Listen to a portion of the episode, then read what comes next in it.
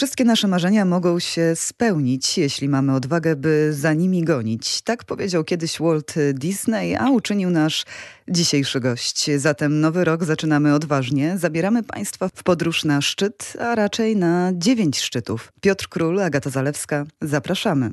Mierzyła wysoko, a właściwie to najwyżej jak się da. W maju 2018 roku stanęła na szczycie Mount Everestu, kończąc swój marzycielski plan. W ten sposób przeszła do historii jako najmłodsza Polka, która zdobyła koronę Ziemi, czyli wszystkie najwyższe wierzchołki kontynentów.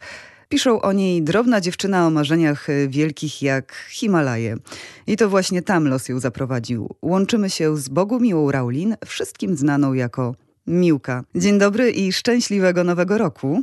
Dzień dobry, szczęśliwego nowego roku, kochani. Nie wiem, od razu mi się cisną e, na usta życzenia noworoczne, żebyście po prostu spełniali e, swoje marzenia i odkrywali swoją siłę marzeń, ale zaraz o tej sile marzeń będę trochę więcej opowiadała. No właśnie, z jakimi postanowieniami zaczyna Pani ten 2022 rok? Bo zastanawiam się nad tym, co dalej, jak już się udało osiągnąć tak wysokie cele? Znaczy, co dalej? Boże, jak dobrze, że y, marzenia nie są puszką y, o jakiejś określonej pojemności, tylko można marzyć dalej, można y, marzyć o czymś innym, można zmieniać kierunek. Ja trochę ten kierunek będę zmieniała, dlatego że no, w tym roku rzeczywiście mam poważne plany. Nawet już nie powiedziałabym, że to są marzenia, to już zaczynają być plany, bo drodzy Państwo, każde marzenie tak naprawdę trzeba potraktować jak plan i ten plan ma to do siebie, że ma początek i koniec projekt też ma początek i koniec y, i możemy y, sprawdzać, jak idzie nam realizacja y, tego naszego planu i projektu. Ale rzeczywiście w tym roku będzie intensywnie, dlatego że jestem przed kolejnym wyzwaniem. Zmieniam kierunek, tak jak wspomniałam, bo nie będzie wysoko, będzie płasko, będzie też zimno i będzie bardzo, bardzo daleko na północy, ale to może w dalszej części rozmowy. Mhm. Niedługo upłyną już cztery lata od projektu Siła Marzeń, Korona Ziemi. Czy nie marzą się Pani właśnie kolejne górskie szczyty w takim razie? Marzą, marzą, mam na liście e, takie, które na pewno zrobię, e, a których e, proszę sobie wyobrazić, nie udało mi się zrobić po zdobyciu korony ziemi. Ja miałam w planie zdobyć taki piękny szczyt w Nowej Zelandii, Mount Cook. Nawet pojechałam tam, żeby spróbować wejść na tę górę, ale okazało się, że były tak duże opady śniegu, że nie mogłam sobie na to pozwolić, było za duże zagrożenie lawinowe. No i po prostu musiałam się wycofać. Ja rzadko kiedy się wycofywałam ze względów na pogodę w tych górach, dlatego że w trakcie realizacji korony ziemi to ta pogoda naprawdę mi bardzo, bardzo sprzyjała. A tutaj była sytuacja, no, że po prostu byłam zależna od tego, co się dzieje, jak ta aura wygląda. No i musiałam powiedzieć, ok, następnym razem, góra poczeka. Także e, Mount Cook, piękna e, góra w Nowej Zelandii. E, proszę sobie wyobrazić, że też musiałam się poddać wchodząc na Ararat, czyli najwyższą górę Turcji. Tutaj było kilka powodów, akurat wchodziłam na tę górę razem z, z moim synem. No i po prostu postanowiłam, że zawrócimy, ale to też jest góra na mojej liście. No i są jeszcze takie dwa, trzy ośmiotysięczniki, którym daję po prostu czas. Daję czas sobie i daję czas im, trochę tak e, śmiesznie mówiąc, e, dlatego że no, do takich wypraw trzeba się oczywiście przygotować. E, no i przede wszystkim uzbierać finansowanie. Super, że te górskie wyzwania dalej są. Ja mam wrażenie, że ta podróż związana z realizacją projektu, która zajęła Pani 7 lat życia, tak naprawdę jeszcze się nie skończyła. Motywuje Pani innych ludzi do działania. Wydała Pani dwie książki. Opisuje Pani tam e, życie z marzeniami, że jest piękne, ale potrafi dać nieźle w kość. No tak, dlatego że tak jak wcześniej wspomniałam, e, tak naprawdę te marzenia, kiedy przekuwa się w plan, w projekt, e, no to yy, tak jak to w każdym projekcie bywa, po prostu yy, projekty usłane są też ciężką pracą, taką intensywną czasami pracą, no to trzeba ostro się nagimnastykować, żeby rzeczywiście to wszystko się udało. Także marzenia, to, to, to wiecie, to jest taki, taki dla mnie, to jest taki duży worek worek, w którym poza tym, że coś się rodzi w moim sercu i żywa w mojej głowie, no to tak naprawdę to jest bardzo dużo pracy przy tym. Wyzwanie, którego się pani wówczas podjęła, zdaje mi się, że mocno panią określiło. Czy takie było założenie, żeby diametralnie zmienić swoje dotychczasowe życie? To znaczy, nie, to tak wszystko po prostu wyszło e, w praniu, jak to się mówi. Ja jestem z wykształcenia inżynierem trakcji elektrycznej. Pracuję cały czas jako inżynier. To nie jest tak, że ja nie wykonuję swoich inżynierskich zadań, ale rzeczywiście te proporcje są dzisiaj zupełnie inne, dlatego że mm, no ja dzisiaj faktycznie realizuję takie prelekcje motywacyjne, e, pokazuję ludziom na własnym przykładzie, że można zrealizować wielkie plany, wielkie marzenia, nie mając e, w dyspozycji właśnie e, worka pieniędzy, a mając jedynie czas, czas, który można poświęcić na to, żeby coś się nam udało. Realizuję jeszcze inne rzeczy, no, inne projekty, takie jak Rajd Południe-Północ, e, którego celem jest wspólne świętowanie na sportowo odzyskania przez Polskę niepodległości. I bardzo się cieszę, że ten projekt się do tego stopnia rozrasta, że w tym roku naprawdę setki osób, setki osób ze mną e, wspólnie świętowało, bo każdy z Państwa może do mnie dołączyć w trakcie mojego listopadowego rajdu. E, oraz realizuję taki projekt, który jest projektem też, projekt marzenie, bo to wszystko się z marzeń, słuchajcie, kochani, wzięło. Mianowicie mm, ja pomyślałam sobie po zdobyciu korony ziemi, że takich szaleńców, wariatów e, trzeba zgromadzić w jednym miejscu i tak powstał Festiwal Siły Marzeń, e, który pierwszą swoją edycję miał w Dzielnicowym Ośrodku Kultury w Warszawie. No potem przyszła pandemia, więc e, musiałam coś wymyślić. Bardzo się cieszę, że ta pandemia mnie tak mocno zainspirowała i zmotywowała do tego, żeby się czegoś tak naprawdę nauczyć, dlatego że w momencie, kiedy nie nie było możliwości spotkania się na sali, ja postanowiłam po prostu pojechać z kamerą do moich e, prelegentów, do moich gości, z nimi porozmawiać. I idea tego e, festiwalu jest taka, żebyśmy się wzajemnie inspirowali, uczyli, e, żebyśmy się wymieniali doświadczeniami, żebyśmy po prostu się tak pozytywnie nakręcali, żebyśmy produkowali dobrą energię. W wywiadach często też pani podkreśla, że jest osobą mocno zorganizowaną, która zawsze ma plan A, B i C to jest właśnie ta recepta na sukces? Ja myślę, że plan to jest jednak dobra sprawa. Ja wiem, że są ludzie, którzy potrafią, y, znaczy taki freestyle uprawiać, takiego spontana, mi się wydaje, że też potrafię, ale jednak wolę mieć plan, taki plany awaryjne, bo tak naprawdę tego nauczyły mnie nie tylko góry, ale tego przede wszystkim nauczyło mnie życie. Chociaż są osoby, które rzeczywiście rzucają się na tę głęboką y, wodę i widzą jakąś metodę w tym szaleństwie. Miłka Raulin, y, kobieta ulepiona z pasji, która 7 lat swojego życia poświęciła na realizację marzeń. Godząc to z rolą matki i pracą na pełnym etacie. Jak można zdobyć koronę ziemi mając 26 dni urlopu w roku? O tym porozmawiamy już za chwilę. Miłka Raulin e, przez 7 lat godziła rolę matki, pracę na pełnym etacie, z głową pełną marzeń. Codzienne obowiązki tak potrafią jednak człowieka przytłoczyć, że już nie znajduje siły na marzenia. A co już mówić o ich e, realizacji? Pani jednak się udało. Ja sobie osobiście nie daję y, medalu za to, że zdobyłam koronę ziemi. Naprawdę. To nie jest żadna filozofia bo to może zrobić każdy, kto ma środki finansowe e, i trochę bardziej potrenuje, poświęci trochę czasu. Ja sobie daję medal rzeczywiście za, za, za te działania równoległe, to znaczy za pracę na pełnym etacie, e, gdzie każdy z nas wie, jak wygląda po prostu życie, gdy się pracuje w dzisiejszych czasach w korporacji. To nigdy nie, nie zostaje się w pracy 8 godzin, to zawsze trochę więcej jednak się w tej pracy siedzi, zwłaszcza jak się robi fajne i ciekawe rzeczy. Ja takie w swojej pracy robiłam.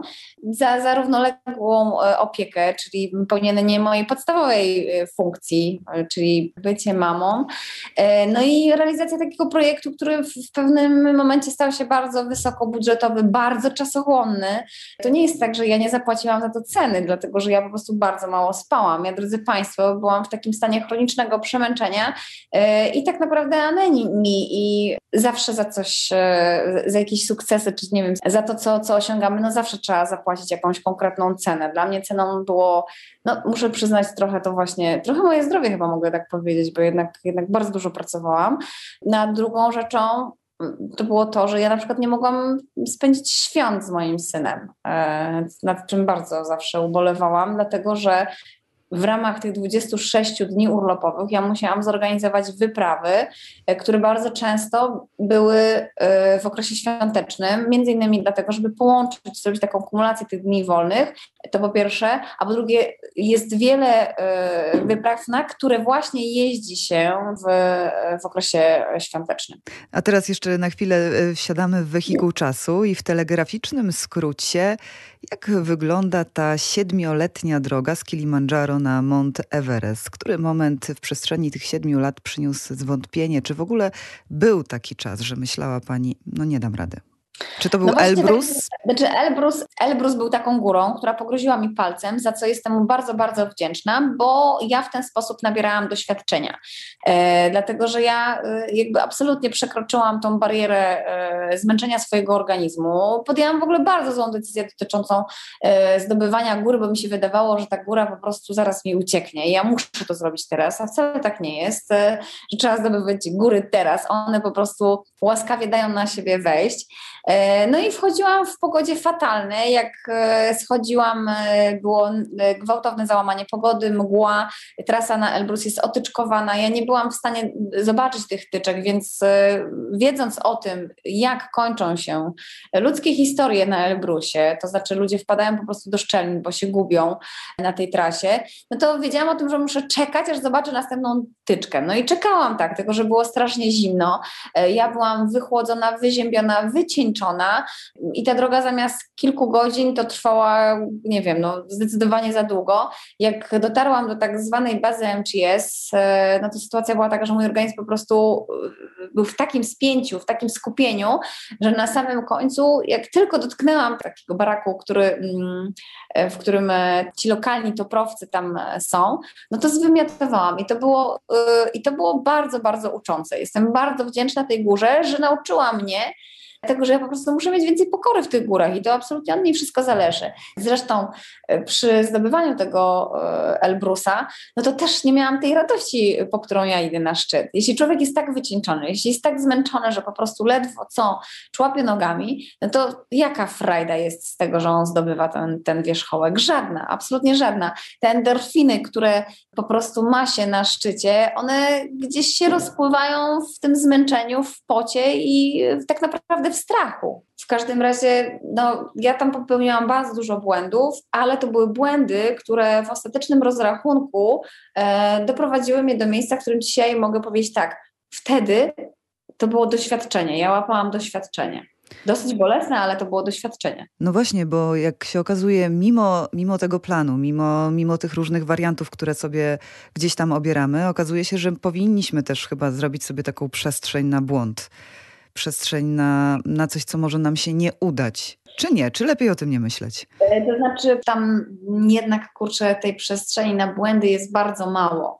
My możemy sobie e, zrobić taką przestrzeń na to, żeby nie robić na sobie presji, że musimy tę górę zdobyć. To tak, to zróbmy sobie taką przestrzeń, ale przestrzeń na błąd w górach ryzykowna sprawa i raczej tych błędów tam nie powinniśmy popełniać. Proszę jeszcze powiedzieć, jak jest w tych wysokich górach? Czy można w pełni podziwiać e, widoki w momencie, w którym nie możemy oddychać, spać ani jeść? Żołądek wariuje, a nasz organizm w każdej chwili daje sygnały, że brakuje mu tlenu. Można, drodzy Państwo, zdobycie góry zależy od właściwie tak naprawdę dwóch czynników, głównych czynników. To jest pogoda i to jest absolutny klucz. Jeśli jest dobra pogoda, to jest tak naprawdę połowa sukcesu. A druga rzecz to jest nasz stan psychofizyczny. E, dlaczego psychofizyczny, a nie tylko fizyczny? Dlatego, że ta psychika w górach jest szalenie istotna. E, no tą fizyczność musimy mieć, ale proszę mi wierzyć, to musi być komplet, stan psychofizyczny. E, faktycznie w górach tak jest, że czasami ta góra daje nam w kość, ale niekoniecznie musi tak być, bo ja wiele gór zdobywałam po prostu z radością w sercu, nie odczuwając żadnych dolegliwości związanych z wysokością. No, taką górą, gdzie rzeczywiście y, tą wysokość bardzo się odczuwa, to jest Everest, ale no, gdybyśmy chcieli, kochani, wjechać na Mont Everest windą, to nikt z nas by tego nie przeżył, bo tam panuje ciśnienie 330 hektopaskali, a zawartość tlenu w powietrzu to jest około 33%, więc nasz organizm po prostu musi się przyzwyczaić. Ale uwaga, Everest i ośmiotysięczniki to w ogóle jest przestrzeń, E, w której nasz organizm nie chce być i on będzie się buntował, i to nie jest środowisko dla niego dobre. Czy widzi się te piękne widoki, gdy właśnie w brzuchu wszystko burczy, gdy człowiek nie może złapać tchu? Proszę sobie wyobrazić, że góry zawsze dają nagrody, i po każdym takim okropnym wysiłku, który tam rzeczywiście jest, dostaje się po prostu nagrodę. I to, co się widzi, tą panoramę, którą widzi się z wierzchołka, bo zresztą to jest nasz cel, prawda? My do tego miejsca zmierzamy to jest, to jest jak, nie wiem, najsmaczniejsza filiżanka espresso. To jest coś tak intensywnego i to jest tak intensywne przeżycie i uczucie, że ono przyćmiewa te wszystkie dyskomforty, które się ma w trakcie wspinaczki. Góry dają nagrody. Nagra nagrodą jest widok tego wszystkiego. No właśnie, a która z gór zrobiła na Pani największe wrażenie? Które widoki wracają najczęściej, gdy zamyka Pani oczy? No, Everest, ale Jednak. to chyba dlatego, że tak, to dlatego myślę, że, że, że po prostu bardzo długo na tę górę czekałam. Ta góra była ostatnią górą w, w moim tak. górskim projekcie Korony Ziemi. I prawda jest taka, że, że po prostu jak na coś się tak dużo go czeka, to to jest naprawdę, proszę mi wierzyć, to jest tak, tak smakuje, to tak nieprawdopodobnie smakuje. A poza tym ja miałam fantastyczną pogodę na Everestie, którą sobie zresztą wymarzyłam, bo powiedziałam sobie, tak, tak będzie wyglądała moja wspinaczka na górę góry. Nie przeraziły te tłumy? Nie, czy nie wiem, czy one były wówczas, jak, jak pani wchodziła, bo to są różne okresy oczywiście, ale, ale Mount Everest jest z tego słynie, z tych korków. Tak, ale akurat y, moja agencja tutaj podjęła bardzo mądre decyzje, dlatego że y, tak jak wszyscy ruszyli na szczyt w momencie, kiedy trasa była zaporęczowana, a to miało miejsce 13 maja 2018 roku, no to my siedzieliśmy w bazie, trochę wściekli, bo przecież spędziliśmy tutaj dwa miesiące i boimy się trochę o to, czy to okno pogodowe będzie, czy nie. Yeah. Ale prawda jest taka, że, y, że to była bardzo mądra decyzja podjęta przez y, lidera grupy, który posiadał y, prognozy pogody z trzech źródeł i wiedział, że ta pogoda jeszcze tam będzie. No a wszyscy ruszyli właśnie na hura na górę w momencie, kiedy ta trasa została zaporęczowana. Co to znaczy? To znaczy, że lina została jakby na całym odcinku została położona lina przez szerpów. No i z tego robią się kolejki. Ja kolejek na Everestie nie miałam. Ja w ogóle nie wiem, co to znaczy kolejki na Everestie i to było niesamowite i fantastyczne i to tempo, e, które mogliśmy utrzymać, bo mieliśmy dobre tempo tak naprawdę wspinaczki, no to też spowodowało, że może ja nie byłam taka strasznie skrajnie wycieńczona i mogłam się cieszyć na tym wierzchołku. Zresztą, drodzy Państwo, gdy zdobywa się górę, to w moim odczuciu nie powinno się mieć bardziej zużytych baterii niż w 60%. Jeśli my schodzimy poniżej tych 60%, to może nam na to zejście już e, energii nie wystarczyć. A jeszcze mówi się, jeżeli chodzi w kontekście e, Monteverestu, że tam niezły śmietnik. No tak, to, to, to dokładnie tak jest. Niezły śmietnik. To proszę sobie, tak wygląda niestety obóz drugi, który położony jest na wysokości 6500 metrów nad poziomem morza. No niestety można znaleźć tam wszystko. Stare butle, stare porwane namioty, jakieś gacie, skarpety, bardzo dużo plastików. Jezu, no wszystko tam można znaleźć.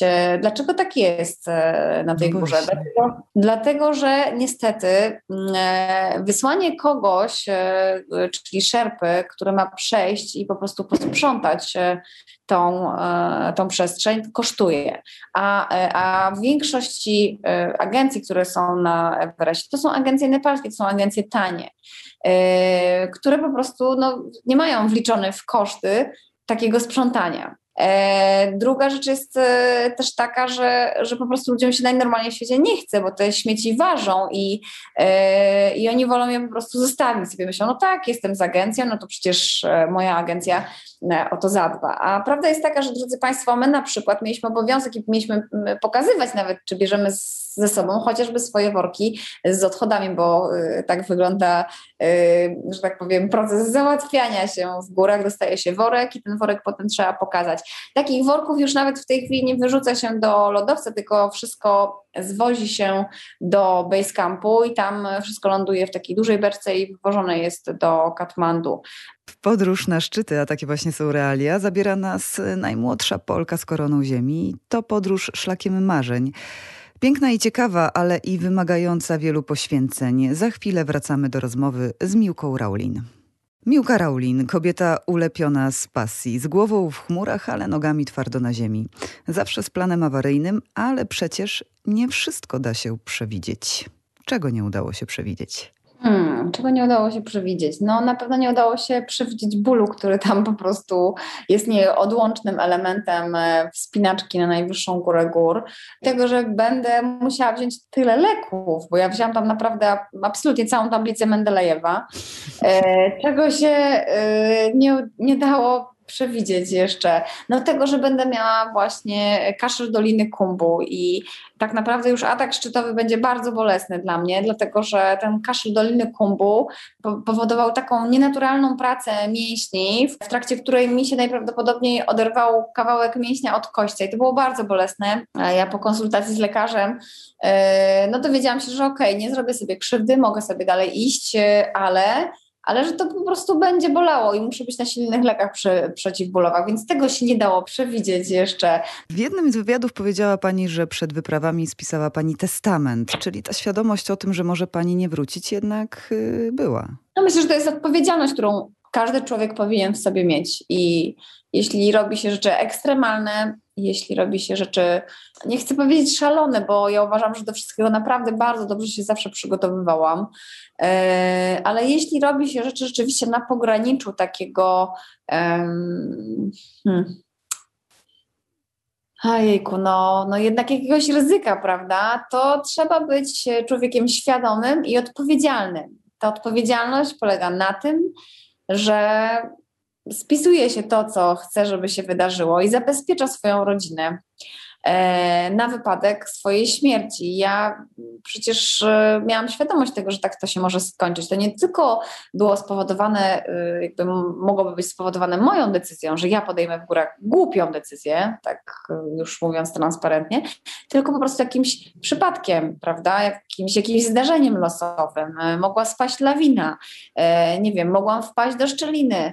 Tu akurat mam wpływ na to, czy do tej szczeliny wpadnę, czy nie, bo ja mogę powiedzieć, że na przykład zawracam, no ale lawina, gdzie ten śnieg, tutaj też my trochę, drodzy Państwo, ja tak trochę może niejasno mówię, bo my tym ryzykiem w górach możemy zarządzać do pewnego stopnia, ale zawsze jest czynnik pod tytułem przypadek, prawda, czy zdarzenie losowe, na które totalnie nie mamy wpływu. I moją odpowiedzialnością jako partnerki, mamy, było to, żeby zabezpieczyć moją rodzinę. Tak, spisałam testament. Zresztą więcej, robię to, mm, e, robię to, do dzisiaj to robię i ten testament e, po prostu jest też elementem wyprawy. Teraz już pewnie syn oswoił się z tym stylem życia pani, ale co pani wówczas mu mówiła podczas tych pożegnań, jak pani już wybierała się w wyprawę? Co roku były organizowane wyprawy od 2011 do 2018, także to już była taka tradycja już wasza, te pożegnania i przywitania. Co ja mówiłam Jeremiemu? Jeremi był też jakby, był w trakcie tych przygotowań. Poza tym, kochani, większość tych wypraw trwała 2-3 tygodnie i to nie był czas, na który my nie mogliśmy się, że tak powiem, rozstać. Największym wyzwaniem rzeczywiście dla mnie i dla Jeremiego była wyprawa na Monteverest, kiedy mnie nie było dwa, tygodnie, dwa miesiące. Ale ja specjalnie wcześniej, rok wcześniej wzięłam Jeremiego do base campu, żeby on zobaczył, gdzie ja spędzę dwa miesiące, żeby on widział, gdzie to wszystko się będzie działo, gdzie ta akcja będzie się toczyła, e, no i żeby miał świadomość, że mama będzie tutaj, tak? Także ja go w taki sposób przygotowałam, że go po prostu wzięłam do Nepalu i powiedziałam: Słuchaj, w przyszłym roku ja tu spędzę dwa miesiące. Nie będzie mnie w domu, będę za tobą tęsknić, ale będziemy łączyć się telepatycznie, bo on też tak mówił, że łączymy się telepatycznie. To było bardzo trudne w ogóle dla mnie jako matki, żeby wyzbyć się tej takiej tęsknoty, ale wiedziałam, że to jest konieczne, żebym po prostu była bezpieczna, bo e, jeśli ja bym się skupiła na tej tęsknocie, a nie skupiła się na wspinaniu, to no, nie wiem, jakby to się skończyło, prawda? Miałabym głowę w zupełnie innym miejscu. Jaki Remi to znosił? To jest rzeczywiście takie pytanie, które chyba dzisiaj, kiedy on jest trochę starszy, chętnie bym mu zadała. Jak on pamięta moje pożegnania? Czy on pamięta je w ogóle? Zadam mu, aż z ciekawości zadam mu to pytanie. Czyli to był taki totalny detoks od y, bycia matką, przynajmniej w tym sensie takim y, fizycznym. To jest taki detoks, drodzy Państwo, w głowie, który trzeba sobie zrobić. To znaczy, nie wprowadzam się w stan tęsknoty, E, nie wprowadzam się i nie myślę o tym, e, jak strasznie chciałabym przytulić moje dziecko, jak strasznie chciałabym obejrzeć z nim film, jak strasznie chciałabym zjeść z nim obiad, jak strasznie chciałabym odprowadzić go do szkoły. Nie wprowadzam się świadomie w takie stany, w których jest mi smutno i przykro i, no i źle, dlatego że podjęłam taką decyzję podjęłam decyzję, że w tym momencie skupiam się w 100% na zdobyciu góry gór. I żeby zrobić to dobrze, ja nie mogę być niczym rozproszona. To nie jest tak, że ja y, jakby wyrzuciłam z siebie macierzyństwo, bo tak nie jest, tylko to jest świadome e, po prostu ukierunkowanie na dane, na dane zadanie, na cel, żeby nic mnie nie rozproszało dla mojego bezpieczeństwa i dla bezpieczeństwa mojego dziecka, bo tak naprawdę moją podstawową misją w każdej wyprawie jest to, żeby z niej wrócić i żeby się cieszyć tym wszystkim żeby, yy, i żeby wrócić do mojego ukochanego syna. Rzecz jasna, Miłka Raulin, najmłodsza Polka z koroną ziemi, jest naszym gościem w nowym roku. Do rozmowy wracamy już za kilka minut. Kobieta, która siłą marzeń weszła na najwyższe szczyty świata. Dziś łączymy się z Miłką Raulin. A teraz spakujemy się na wyprawy w góry najwyższe, poza sprzętem, typu czekany, raki, gogle, karimaty, namioty, śpiwory. Bagaż jakich cech charakteru przydaje się najbardziej tam wysoko? No dobra, to uwaga. e, to znaczy, no, przydają się takie babskie rzeczy, to oczywiście absolutnie jest niezbędne. I proszę sobie wyobrazić, że ja na przykład na Monteverestie miałam tuż do rzęs, do bazy sobie wyniosłam tuż do rzęs, żeby się czuć piękną, e, gdy już ten Monteverest zdobędę, ale e, biorę też perfumy, dlatego że tam w ogóle się, drodzy Państwo, traci powonienie e, podczas przebywania na wysokościach i w ogóle w takich terenach zimnych. No i y, rzeczywiście, żeby cokolwiek poczuć, to, to, to, ten zapach musi być mocno intensywny. Y, w związku z czym ja y, przed wyprawą spsikiwałam wszystkie rzeczy, po prostu spryskiwałam je, wylewałam tony, tony perfum i, i perfumy były też jakby w, moim bagażu. Co jeszcze jest? No jest na pewno kartka jakaś, jakiś notesik, w którym możemy Mm, sobie ponotować to, co nam do głowy przychodzi. Jest e, książka, jest, e, e, jest MP3, tak, bo to, to bez tej muzyki byłoby ciężko. E, co jeszcze w takim bagażu się moim znajduje? Ja miałam, e, słuchajcie, to, co, to, to tak naprawdę na każdej wyprawie jest najważniejsze dla mnie. Moje talizmany, czyli rysunki Jeremiego które Jeremi mi gdzieś tam chowa w moim ekwipunku i znajduję je, bo to są niespodzianki, to mają być niespodzianki. No i miałam te talizmany i miałam też życzenia urodzinowe. O tak, to życzenia urodzinowe, e, które e, były e, wrzucone wszystkie do jednej koperty i w tej kopercie no po prostu były takie życzenia, których sobie życzyłam, proszę mi wierzyć.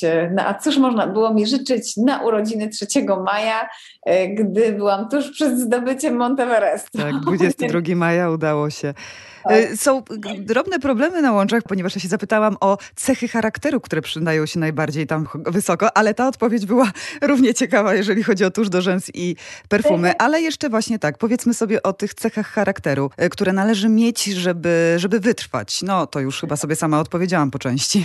Cechy charakteru, jakie trzeba mieć? No, wytrwałość, Cierpliwość. Proszę wierzyć, że ja nie jestem osobą cierpliwą, jednak chciałabym od razu mieć efekty, tak nie jest, więc góry bardzo uczą cierpliwości. Pokora, e, no bo tak naprawdę tam właściwie niewiele od nas zależy, wszystko zależy od pogody.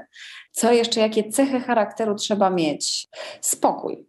Spokój, opanowanie, gdy jest sytuacja kryzysowa. Dużo tych cech charakteru. Nie wiem, czy ja wszystkie posiadam, szczerze. Po prostu tego wszystkiego trzeba się uczyć tam na miejscu, e, albo trzeba odpowiednio reagować. To też e, no, góry to jest fantastyczna lekcja, fantastyczna lekcja. Zresztą w ogóle każdy sport jest e, niesamowitym wyzwaniem i lekcją, e, albo każde takie wyzwanie, które sobie postawimy, o tak, jakieś zadanie, które jest długodystansowym zadaniem, to jest, drodzy Państwo, lekcja. To my się tak strasznie dużo w trakcie takiego wydarzenia uczymy, że nawet sobie nie zdajemy sprawy z tego. Ja mówię tutaj świadomie o tych cechach, że, że, że, że, że pewnie z tych cech, które wymieniłam, no to w sporej części nie, nie, posiadam tak naprawdę. Na pewno na co dzień tutaj, jak jestem nisko, bo wychodzi ten mój straszny charakter. No to bardzo tam, ważne, tak, co pani mówi. Tak, ale tam Że często odkrywamy też się, prawda, przy takich wyzwaniach. Tak, i tam nie mamy bardzo często możliwości, więc e, kiedy się przechodzi przez szczelinę,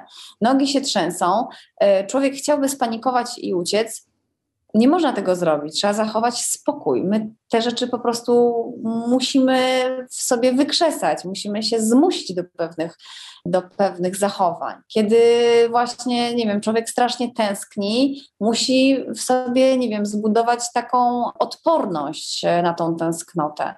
Kiedy jest zmęczony, bolą go strasznie wszystkie mięśnie, wszystko wszystko po prostu dookoła mówi mu: słuchaj, zejdź, twój organizm się buntuje, musi w sobie budować tę wytrzymałość. I e, góry są świetną przestrzenią do, e, do budowania charakteru. No właśnie, a czego góry nauczyły Panią, co przydaje się w codzienności? Jest coś takiego w ogóle? Nastawienia na cel. Absolutnie. Ja mogę realizować e, inne szalone pomysły i projekty. Takim projektem jest e, przecież realizacja festiwalu albo realizacja e, produkcji e, telewizyjnej, dlatego że cyklu Ulepieni z pasji ostatecznie jest emitowany w telewizji, a ja totalnie się nie znam na produkcji telewizyjnej, a jednak ktoś powiedział, że to jest tak, to jest dobre. To, to tutaj było bardzo dużo organizacji, bardzo dużo pracy, pracy w obszarze, na którym ja się totalnie nie znam, czego mnie nauczyły góry nastawienia na cel co używam e, nie tylko w mojej pracy zawodowej, to w ogóle we wszystkim, co robię, tak? Także to jest trochę te, te światy, ten mój świat e, górski przenika się z, ze światem zawodowym, jeśli chcę coś osiągnąć w, w, w, swojej pracy. I odwrotnie, ten mój świat inżynierski przenika się z światem górskim, bo bardzo dużo cech e, takich typowo inżynierskich wykorzystuję w górach. A czy są tacy ludzie, którym by Pani jednak odradzała wspinaczkę w wysokich górach? Wszyscy ci, którym nie sprawia to przyjemności. Bo to trzeba mieć radość. Tak, po prostu jeśli nie sprawia ci przyjemności chodzenie po górach, jeśli nie czerpiesz radości z tego, że możesz się rozglądać i do, dookoła ciebie jest niesamowita przestrzeń, jeśli nie masz przyjemności z wysiłku fizycznego, to znaczy jeśli to nie sprawia ci radości, wolisz posiedzieć i wypić drinka z palemką e, na plaży, to nie idź w góry, to jedź na plażę. Miłka Raulin, inżynier trakcji elektrycznej, pilot szybowcowy, matka nastoletniego Jeremiego i miłośniczka gór. Do rozmowy wracamy już za kilka minut. Miłka Raulin, kobieta z pasją i z pasji ulepiona. Dziś motywuje do działania innych. Czy na celowniku są głównie kobiety dziś? E, no nie, chyba nie, niekoniecznie. Aczkolwiek rzeczywiście y, dziewczyn w tej przestrzeni takiej sportowo-górskiej czy inżynierskiej, bo ja tutaj tak bardziej szeroko chciałabym o tym mówić, jest zdecydowanie za mało. Jest mniej, o tak. I myślę, że użycie słowa za mało też jest dobre. My trochę mniej w siebie wierzymy. My dziewczyny y, mamy, mm, wiecie, tak, e, taki wbudowany jakiś guzik po prostu, który mówi nam czasami nie, no jestem za słaba, nie, no nie dam rady. No i rzeczywiście tak, moim celem jest motywowanie w ogóle wszystkich, ale z takim faktycznie naciskiem na kobiety, żeby pokazać im, że słuchajcie, możecie to zrobić. Poza tym e, My też e, jako kobiety mamy taką e, większą wewnętrzną odpowiedzialność, żeby na przykład no, nie zostawię dziecka, nigdzie nie wyjadę i mężczyznom trochę łatwiej to przychodzi e, zostawianie rodzin, żeby coś zrealizować, tak? Nie wiem, przejechać motocyklem na przykład dookoła Polski albo skoczyć ze spadochronem, albo zrobić jeszcze inną szaloną rzecz, albo właśnie gdzieś wyjechać, zrobić jakąś górę, a my kobiety po prostu zawsze myślimy troszkę tak szerzej, o tym wszystkim, co jest dookoła nas. Więc e, ja wszystkim paniom mówię zawsze, kochane dziewczyny, poza tym, że jesteście mamami i żonami, to jesteście też sobą i w momencie, kiedy zaczynamy być rodzicem, to nie przestajemy marzyć, przynajmniej nie powinniśmy przestać marzyć. E, no ale to już jest taka informacja nie tylko do pań, tylko tak naprawdę do wszystkich, prawda? Żebyśmy zawsze pamiętali o tym, że ta siła marzeń w nas jest, że ona tam drzemie, nie zasypujmy jej poniedziałkami. Kto był e, pani takim e, górskim autorytetem? Ojejku, no ja tak naprawdę chyba takiego prawdziwego górskiego autorytetu to nie wiem, czy miałam. No na pewno takie osoby jak Krzysiu Wielicki, e, to była taka osoba, którą się słuchało po prostu z otwartą buzią, to on rzeczywiście, jak opowiadał coś o tych górach, to ja się bardzo zasłuchiwałam, ale ja myślę, że wtedy, na tamten moment, kiedy zaczynałam w ogóle swoją górską przygodę, ja, ja w ogóle nie wiedziałam tak naprawdę, jak ważną rzeczą jest taki górski autorytet. Dziś przed moimi przygotowaniami do kolejnego wyzwania mam taki autorytet. Takim autorytetem jest Wojtek Moskal, który jest polarnikiem, y, który jest y, no, po prostu niesamowitą osobą i y, słuchanie go sprawia mi po pierwsze wielką przyjemność, po drugie to jest tak, jak ja bym, nie wiem, dostawała jakiś zastrzyk informacji, to co on mi mówi i to jest tak ułatwia życie to jest tak e, e, potrzebne w momencie, kiedy się podejmuje jakieś duże wyzwania, żeby mieć osobę koło siebie, która jest takim mentorem, takim, takim doradcą, która nam po prostu wskaże drogę. Bo my mamy prawo się na czymś nie znać, jeśli dopiero zaczynamy eksplorować jakąś przestrzeń. Powiem szczerze też, że myślałam, że tym górskim pani autorytetem będzie Wanda Rutkiewicz, no bo tak mi się nasunęła chyba rzecz, rzecz jasna, ale, ale nie. Ale nie, czy... i powiem dlaczego nie. No. Dlatego, że mimo wszystko, że to jest osoba, którą naprawdę ja podziwiam, naprawdę była przede wszystkim świetnym marketingowcem na tamte czasy. Była bardzo uparta, była bardzo konsekwentna, była też inżynierem i to takim, że tak powiem, byliśmy podobne zawody pełnimy, bo ona chyba była elektronikiem, ja jestem tak. elektromechanikiem. No i osiągnęła po prostu rzeczy nieprawdopodobne, jeśli chodzi o, o, o eksplorację gór wysokich i nowe drogi, bo ona po prostu na swoim koncie i w swoim życiorysie, w swoim życiorysie bardzo często ma słowo pierwsza. I teraz y, dlaczego Wanda Rutkiewicz nie jest moim autorytetem? Bo Unii zabrakło tej równowagi życiowej. To znaczy Wanda Postawiła wszystko na jedną kartę. Wszystko postawiła na jedną kartę i to się skończyło tragicznie. Także no chyba nie świadczyłoby to dobrze o mnie, gdyby moim autorytetem była osoba, bo ja to tak biorę, wiecie, drodzy Państwo, takie, taką, dużą, taką dużą klamrę. Dla mnie autorytet to nie jest tylko osoba, która jest wyspecjalizowana w jakiejś dziedzinie, to jest jedna rzecz, ale dla mnie to jest też człowiek, taki jaki on jest. I, i Wanda postawiła wszystko na jedną kartę i mogła tak zrobić, dlatego że nie miała dzieci. Ja nie chciałabym nigdy tak zrobić. E, i cieszę się, że mam tą czerwoną lampkę w postaci mojej rodziny. Czy w górach często musiała Pani coś e, udowadniać tej męskiej grupie wspinaczy? Czy już teraz śmiało można powiedzieć, że wykluczenia i walka o równouprawnienie w środowisku górskim e, to już stereotyp? No bo właśnie o tym bardzo też często wspominała Wanda Rutkiewicz, że takie problemy były. To znaczy, fajne jest to, że góry nie rozpoznają płci. Bardzo jest duża sprawiedliwość, górska sprawiedliwość. Ale faktycznie, gdy maszeruje się samemu, gdy zdobywa się górę w pojedynkę, ja bardzo często te góry zdobywałam, zresztą większość z nich zdobywałam w pojedynkę i sama. E, sama jechałam, sama organizowałam e, i sama się wspinałam, to bardzo często spotykała, spotykałam się z takim komentarzem, że jak to ty, taka mała, nie dasz rady, z takim niedowierzaniem, z taką trochę pobłażliwością patrzono na mnie. No i nie ukrywam, że to mnie jeszcze bardziej motywowało do tego, żeby powiedzieć ha, ha, ha, no to poczekaj, to potrzymaj mi torebkę, o tak. Więc y, czy jest jakaś dyskryminacja w górach? No góry, nie, nie, to, to nie góry jakby tę dyskryminację Oczywiście. wprowadzają, ale rzeczywiście wydaje mi się, że mężczyźni z takim niedowierzaniem e, do umiejętności pania, umówmy się, potrafimy być bardzo uparte, czasami podchodzą. Także my nie mamy takiej siły fizycznej, takiej tężyzny fizycznej, jaką macie wy panowie kochani.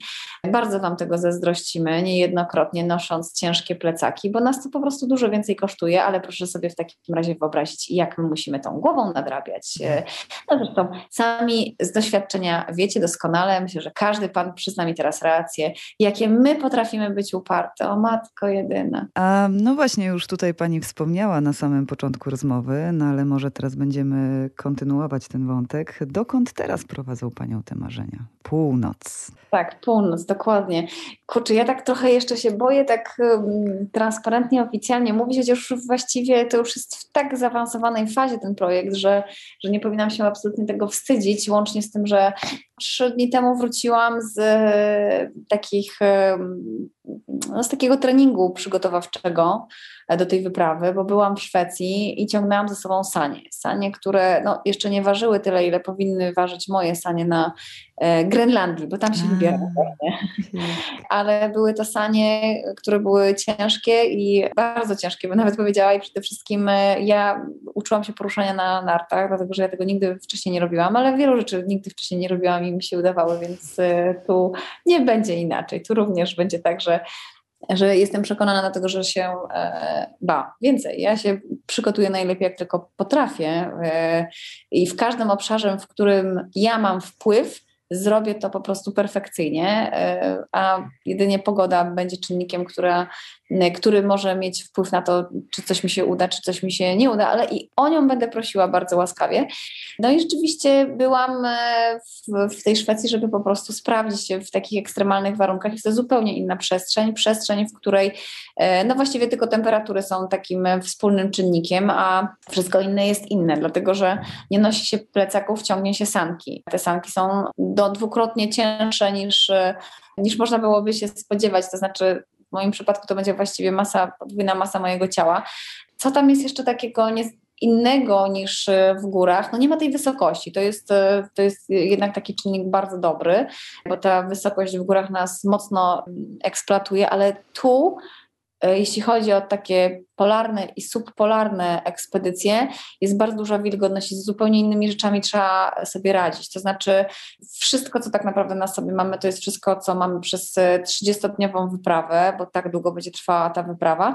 E, drodzy Państwo, to jest mokre po prostu, muszę użyć tego słowa, to jest mokre jak gnój, e, jak się przychodzi do namiotu i to to, mówię to, czyli wszystkie nasze rzeczy, które mamy, rękawiczki, skarpetki, kurtki, śpiwory i tak dalej, musimy suszyć y, ciepłem własnego ciała. Zanim my to osuszymy, my jesteśmy po prostu wytelepani z zimna, no bo musimy tą energię, prawda, oddać. Z zupełnie innymi problemami się tutaj trzeba jakby zmierzyć, y, z, z tym, że nie idzie się w jakimś określonym kierunku, to znaczy nie idzie się na szczyt, nie widać tego celu, jest płasko, jest bardzo dużo takich zmian pogodowych, jest ciepło, za chwilę jest po prostu porwisty wiatr. Człowiek y, tak naprawdę nie jest tak, tak bardzo ciepło ubrany jak w górach, bo on jest w ciągłym ruchu i się bardzo poci, więc trzeba walczyć e, i nauczyć się tak naprawdę, o tak, nauczyć się, nie walczyć, trzeba nauczyć się chodzić w, no, to jest nieprawdopodobnie trudne. Nauczyć się chodzić i uprawiać tak wysiłek fizyczny, żeby się nie spodzić, drodzy Państwo, dlatego że ten pot potem powoduje, że nam jest po prostu zimno, a my nie mamy, nie wiem, no mamy określoną e, przestrzeń na sankach i nie mamy e, na zmianę tych rzeczy nie wiadomo ile. Także tutaj zupełnie inne trudności, zupełnie inne problemy, no i przede wszystkim chodzenie na tych nartach, co dla mnie po prostu jest jakąś, e, dzisiaj uważam karą, ale wiem o tym, że po prostu będę musiała e, potrenować. Ja nigdy nie robiłam takich rzeczy, rzeczy, ale też nie będzie to wielka filozofia, no więc y, myślę, że na nartach uda mi się nauczyć chodzić. No ale kiedy, kiedy? Kiedy, kiedy to wszystko się będzie działo, to się będzie działo, drodzy Państwo, w maju, dlatego że e, dopiero. Znowu maju... urodziny. Znowu urodziny, tak, dokładnie. Będzie znowu najmłodsza Polka? Czy... tak, do tej pory, to jeszcze chyba powinnam powiedzieć, e, to a propos urodzin jeszcze tylko wspomnę, tak. że dokładnie 3 maja rozpoczyna się mhm. wyprawa i dokładnie 3 maja stanę na lodowcu, więc to będą naprawdę znowu bardzo wyjątkowe urodziny. Cała wyprawa potrwa 30 dni. Do tej pory przez e, no, blisko 30 lat trawersu Grenlandii dokonało jedynie dziewięciu Polaków, w tym jedna Polka, jest to pani doktor Ewa Żewuska, z którą też jestem w kontakcie, zresztą właściwie z większością osób, które tego dokonały. No, no, mam przyjemność rozmawiać i uczyć się od nich właśnie i dowiadywać się, oni naprawdę pakiet wiedzy mi tutaj przekazują, ale to, co jest przede wszystkim istotne, drodzy Państwo, to, to, to jak mało Polaków tam było, to, tak. że tak naprawdę mogę być dziesiątą osobą z polską narodowością, która przetrawersuje Grenlandię e, z miejscowości Kangaluszuak, bo ja idę z zachodu na wschód. No i, i to, to, to, drodzy Państwo, wszystko w okresie 30 lat. Tylko 10 osób w przeciągu 30 lat. To też trochę mówi o tym rejonie, jaki on jest e, i że nie chce E, ludzie nie chcą tam jeździć, dlatego że on jest bardzo, bardzo wymagający. No, ja miałam naprawdę przedsmak tego w trakcie mojego treningu na, w Szwecji. Myślę, że nie jedna łza popłynie mi po policzku z wściekłości i ze zmęczenia i w trakcie tych treningów i w trakcie trawersowania, bo to jest zupełnie nowa przestrzeń, ale wiem o tym, że wszystko, absolutnie wszystko mi się uda. E, tego pani życzę, żeby te wszystkie marzenia pani się spełniły. Miłka Raulin, drobna dziewczyna o marzeniach wielkich jak Himalaje.